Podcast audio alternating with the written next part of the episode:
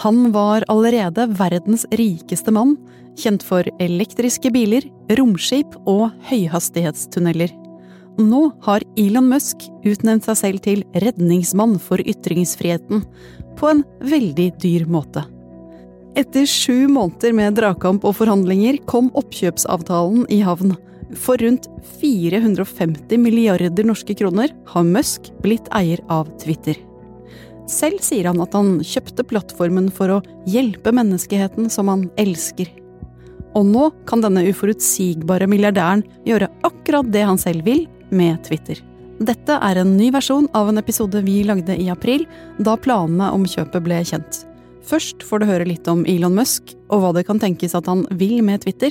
Så får du en fersk analyse av hva det betyr at verdens rikeste mann nå kontrollerer verdens kanskje viktigste kommunikasjonsplattform. Du hører Forklart fra Aftenposten. Jeg heter Marte Spurkland. Jeg følger ham jo ganske tett, men altså, oppkjøpet er overhodet ikke typisk for Musk. Dette er Per Christian Bjørkeng. Han er teknologijournalist og har skrevet et forord og et kapittel i en biografi om Elon Musk. Og hvis han ble overrasket over Twitter-oppkjøpet, så er det ikke så rart om vi andre ble det. For selv om disse ryktene hadde gått i lang tid, var det mange som trodde at det aldri ville bli noe av. Fordi det er vanskelig å se at det ligger noen stor økonomisk eh, fremtid i Twitter. Og særlig kanskje for eh, Elon Musk, da, for samtlige av de andre selskapene hans er jo sånne som virkelig revolusjonerer hele industria. Og, og, det å drive Twitter i dag, det er rett og slett bare drift. Og dette styrker jo egentlig argumentet hans da, om at han faktisk hovedsakelig er ute etter å forvalte ytringsfriheten, riktignok da på en, sin helt egen måte. Per Christian, hvor stort eller viktig er Twitter i dag? Sett fra et norsk ståsted så er det ganske lett å avføye Twitter som ikke så veldig viktig, egentlig. En liten sånn lekeplass der eh, journalister eksempel, og politikere eh, liker å boltre seg. Men internasjonalt så er dette mye, mye større. Eh, se på USA eksempel, der Twitter er en soleklart viktigste debattarenaen. Og sett i forhold til f.eks. For Facebook, der det ikke er like lett å holde oversikt over hva alle sier, så er uh, Twitter faktisk kanskje den viktigste vi har. Og hvor viktig har Twitter vært for Elon Musk? Han sier jo at Twitter ja, det er noe han driver på mens han er på toalettet, sier han. han sier at han kanskje bruker fem minutter daglig på det, har han vel også sagt. Og så skal vi Eh, dømme da ut ifra det han faktisk tvitrer, så er han jo eh, ganske utvungen og, og lite tilbakeholden eh, når han da sitter på dette toalettet. Og det er en, det er en blanding av forsøksvis han har sånn morsomme memes, så er det politisk uttalelse, og så er det helt klart markedsføring av selskapene hans. Helt sånn nye produktnyheter og sånne ting. Og i motsetning da, til mange andre store eh, lederskikkelser på Twitter, så svarer han faktisk stadig vekk på spørsmål og tilbakemeldinger. Så det er interessant å følge med på uh, hva han driver med. Men man må jo også kunne si at han stadig vekk virker å være litt ute av uh, kontroll, rett og slett. Og det er jo det som gjør det ganske spennende å følge med på. Man vet jo aldri helt hva som er alvor og hva som er ment som morsomheter.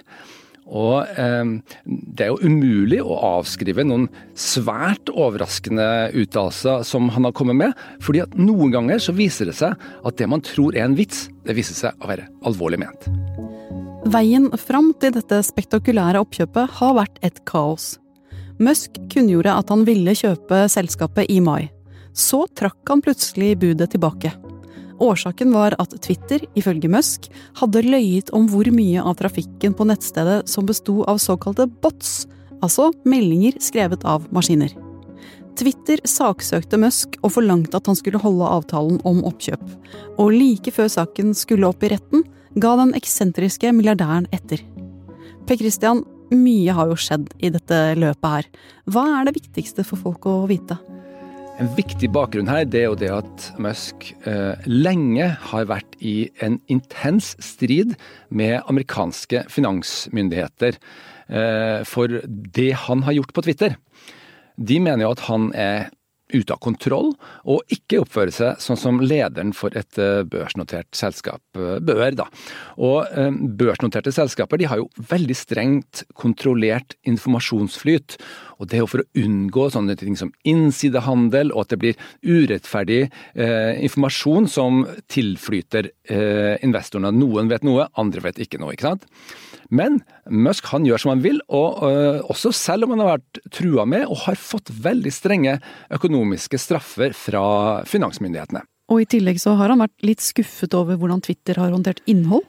Ja, for Twitter-ledelsen har valgt en helt annen linje eh, der de forsøker å ta hensyn til utsatte grupper. Alle mulige som blir utsatt for eh, trakassering på nettet. Og så fjerner de da også innhold som helt klart er innafor ytringsfriheten, og det er jo dette han reagerer på. Eh, og dette skal man være klar over. Altså for, for eksempel så, så, var det ikke ukontroversielt å fjerne hele kontoen til USAs tidligere president Donald Trump. ikke sant? Dette var et aktivt redaksjonelt valg, og selv om det sikkert var populært her i Norge, så er det jo helt klart ikke ukontroversielt, og noe som man kan være uenig i. ikke sant? Og i tillegg så vil Musk gjøre som han selv vil, ikke sant? Han er mot statlig innblanding, og sånn sett så er han annerledes enn det mye av, eh, mange av teknolederne da, i, i USA er. Og det kan ha vært en av uh, grunnene da, til at han tidligere i år svarte på et spørsmål fra en uh, Twitter-bruker, uh, og sa da at han faktisk tenkte alvorlig på å skape sitt eget sosiale nettverk. Men så ble det altså noe helt annet, og veldig mye mer dramatisk, som han egentlig landa på general matter, no matter who owns or runs uh, Twitter, uh, the president has long been concerned about the power of large social media platforms, uh, what they ha- the power they have over our everyday lives. Det var president Joe Bidens pressesekretær, og reaksjonene på oppkjøpet har vært mange og sterke. For nå som Musk eier Twitter, kan han egentlig gjøre hva han vil med plattformen. Og hva det blir, er høyst uvisst. For bare én ting er sikkert om Elon Musk. Han er stort sett helt uforutsigbar.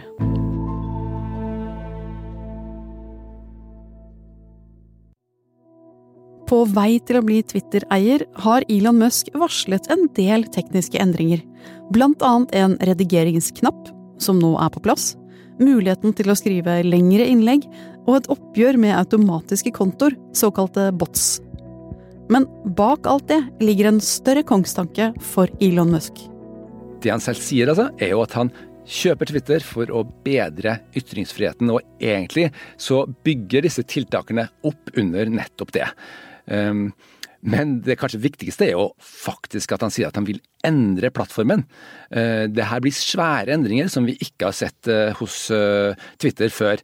Og den, altså jeg tror den grunnleggende drivkraften her, det er at han opplever at Twitter har en venstrevridd slagside, som er i retning av da Silicon Valley-eliten, for å kalle det det, og han ønsker seg en helt fri debattarena eh, som ikke eh, er utsatt for noe inngrep av noe slag helst.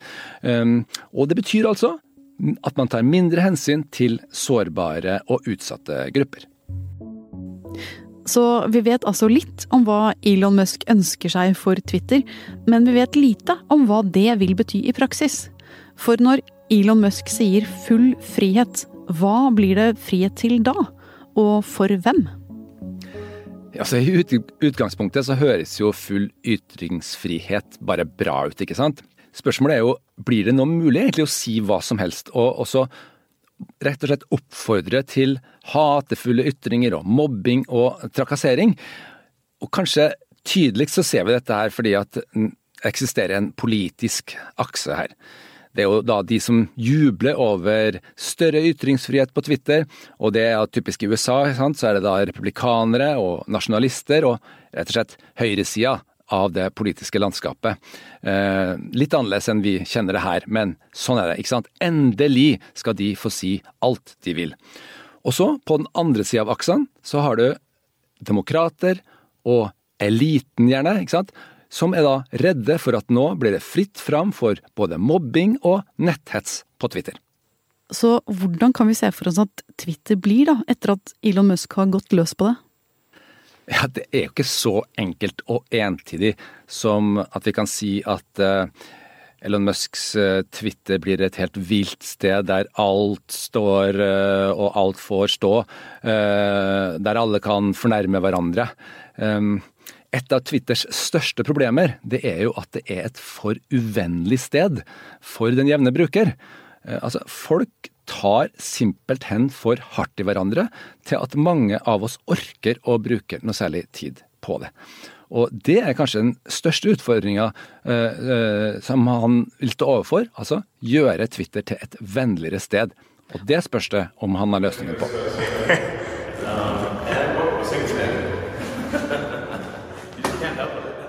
Onsdag denne uka postet Musk en video på Twitter hvor han vandret inn på Twitters hovedkontor i San Francisco mens han bar på en kjøkkenvask i hvit porselen. Let that sink in, skrev han til bildet. Om det betyr at Twitter skal synke, det gjenstår jo å se. Eh, Kristina, hva vet vi nå om hva slags Twitter-eier Elon Musk kommer til å bli? Ja, vi vet jo allerede at han har sparket toppledelsen, så det sier jo litt. Um, han kommer til å bli veldig tøff for de ansatte i Twitter. Eh, det har han allerede signalisert. Um, han har kritisert noen av de offentlig, uh, og dessuten så er jo ikke dette noe vennligsinnet oppkjøp, akkurat. Uh, men når det gjelder Twitters funksjon, da, så gjenstår det å se, tenker jeg. Um, han har sagt veldig tydelig at dette ikke skal bli noe hellscape, altså noe sånn eh, helvete der man eh, nesten ikke tør å gå inn.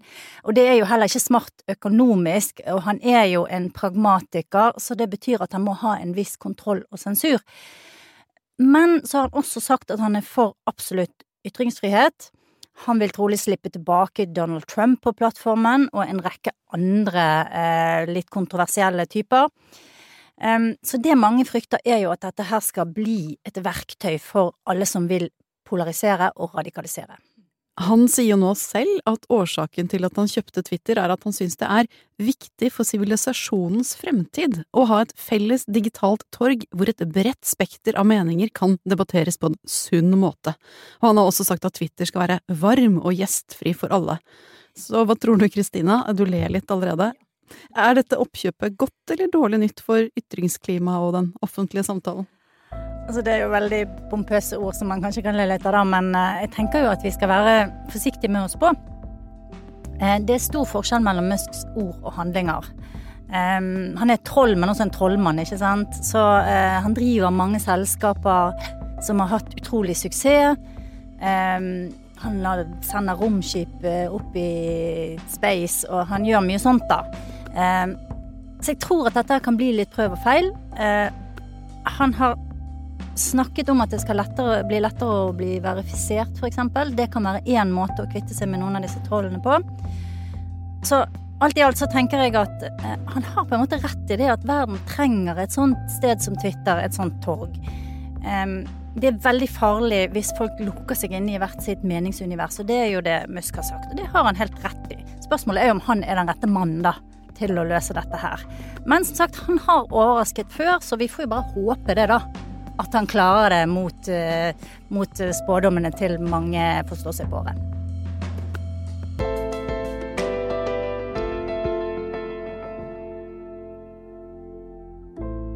Du har hørt en podkast fra Aftenposten, og dette var en ny versjon av en episode om Elon Musks oppkjøp av Twitter. De som forklarte, var P. Christian Bjørkeng og Kristina Pletten. Du har hørt lyd fra nyhetsbyrået AP. Denne episoden er lagd av meg, Marte Spurkland, Anders Weberg og Jenny Føland. Og resten av forklarte bottene er Synne Søhol, Marit Eriksdatter Gjelland, Anne Lindholm, David Vekoni og Fride Næss Nonstad. Det knøt seg i magen når hun spurte Mathias har du tenkt å ta livet ditt. Og så svarte han at ja, jeg har planer om det. Han hadde satt en tidsfrist. Hvis ting ikke var bedre innen denne datoen, så skulle han ta livet sitt. Oftere enn hver tredje dag er det et ungt menneske som tar livet sitt i Norge. Han spiste aldri frokost før han gikk på skolen. Han var alltid for seint ute. Så han løp litt sånn stressa til bussen. I 2020 var Mathias en av dem. Og så syns jeg å høre at han roper. Han roper høyere enn sånn vanlig 'Mathias, er du her?' Det, det var noe galt med den ropinga. I den nyeste episoden av Fortalt hører du om Mathias og hva Aftenposten fant ut da vi undersøkte hvorfor selvmord er en av de fremste dødsårsakene blant unge.